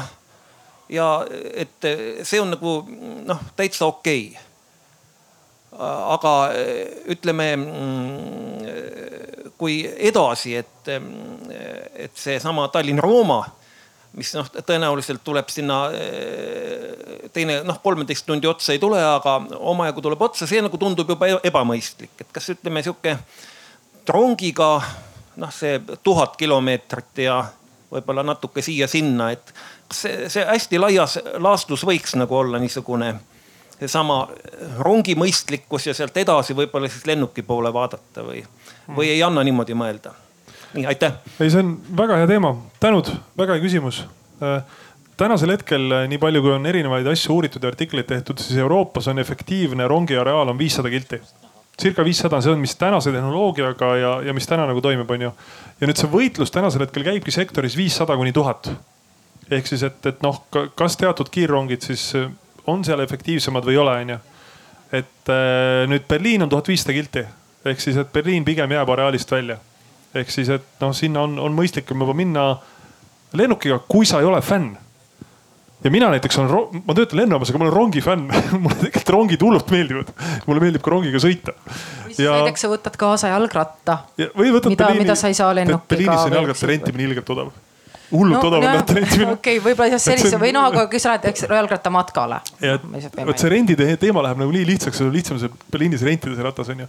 nii et kui sa oled fänn, siis ma, ma arvan, et kolmteist tundi rongiga on okei okay,, aga, aga reaalselt on see ikkagi lennuk ja reaal tulevikus ka ma, ei, ma arvan, et see areaal ikkagi pikeneb rongil just nimelt äh, seetõttu, et lennupiletid ikkagi, ma arvan, lähevad kallimaks ja, ja see nii-öelda keskkonnakaalutlus muutub inimestele nagu olulisemaks. et selline slow, et üleöö, kuhu iganes saab üleöö, nii et õhtul lähed, hommikul oled kohal. ma arvan, see on umbes see või siis, mis no, puudutab rekreatiivset reisimist, et näiteks Rail Balticu puhul, et kogu aeg räägitakse Tallinn-Berliin, aga, aga mõelda selle peale, et seal vahepeal on ju ka peatused ja huvitavad linnad, miks sa pead minema Tallinn-Berliin tingimata, aga miks mitte Tallinn-Riia ja siis olen natuke Riias. näiteks ütleme kooliealistest lastest rääkides, et vanemad viivad lapsed, käid seal Riias ringi, vaatad, mis seal on lahedad ekskursioonid. sõidate rattaga ringi, siis seal järgmised või noh, mis iganes, et et, et saab ju kuidagi kombineerima, et ei pea ju sõitma algpeatusest lõpppeatusesse, et see kuidagi nagu unustatakse ära, et seal vahepeal on ikka ju ka või vahepealt tuleb ka inimesi peale, kes sõidavad Riia, Berliin või, või noh, mis iganes, Vilnius. see slow traveling on kindlasti teema ja, ja slow traveling on teema, mida promotakse ka praegu, et ongi nagu rahulikult minemine ja kui sa saad arvuti kaasa võtta tööd teha, täitsa okei okay.. ja võtame viimase mõtte ka. et ma jah, võib-olla saan mõnes suhtes äh, asja ütleme natuke üldisemale plaanile viia, no praegu me räägime kogu aeg majandus kasvab paradigma mõttes, aga meil tuleb paradigma muutus ja teine paradigma on kestlik kahanemine. aga selle me peame kuidagi ees ära mõtlema, noh, meil on armuaegu antud no kümme, kakskümmend aastat, mina olen põllumees, ma tean, meil on viisteist aastat antud, no see on, see on minu asi. ja kui me ei tee, no siis läheb. Ja see ongi praegu, meil on aega, see armuaeg antud, me peame paradigma muutuma ja siis me räägime kui te hakkate kasvõi mõtlema kestliku kahanemise mõttes, te räägite hoopis teist juttu. kui oma lennukitest kõik, kõik hakkame teistmoodi rääkima ja kui me seda ei hakka, noh siis tuleb matakas, aga kui meil oli seda arutut mõistust, noh inimesele antud, kuidas me käitume, siis peaks meil olema antud ka tervet mõistust. tänu Toomasele, mis ta oma elu ajab, noh, ma ei tea, mis ametit ta peab, et, et siis seda parandada mulle isiklikult see mõte väga meeldib, paradigma muutus sellele, selles suunas, et on kestlik kaha, kahanemine ja kas seda tervet mõistust on antud meie poliitikutele, on see küsimus, millega ma sooviks kokku võtta me, no meile siin kahtlemata meile meeldib mõelda, et meil on ja loodetavasti ka on. aga, aga kui me räägime siis nüüd sellel tasandil, kes neid otsuseid teevad, et kui lühidalt kokku võtta, siis kas te olete pigem optimistlikud selles suunas, sellel teemal, kes meil täna otsuseid teevad ja mis nende otsuste kvaliteet on või pigem mitte? mina olen alati optimistlik selles mõttes, et, et minu noh meie töös, ei Tallinn, me, me olemegi partneriks otsustajatele, kui on vajadus, me aitame analüüsida, eks ju, ja, ja püüame teha seda parimal moel, et seda tarkust kuidagi kasutataks ka. ja, ja noh, ma olen näinud seda, et, et nii-öelda teatud kadudega ka ikka kuulatakse. et äh, on meid kuulatud juba peaaegu kolmkümmend aastat, et, et äh, sõlt-, mis tahes valitsuse poolt. et ma, ma arvan küll, et, et täna on lihtsalt see, et, et see avalikkuse nagu taju probleemi tõsidusest on nii palju muutunud, et isegi need, kes olid harjunud ikka sama juttu rääkima sellest, et oleme realistid ja mina olen pragmaatiline majandusinimene. pragmaatiline majandusinimene tähendabki täna valmistuda nagu rohepöördeks, see ongi kõige pragmaatilisem üldse.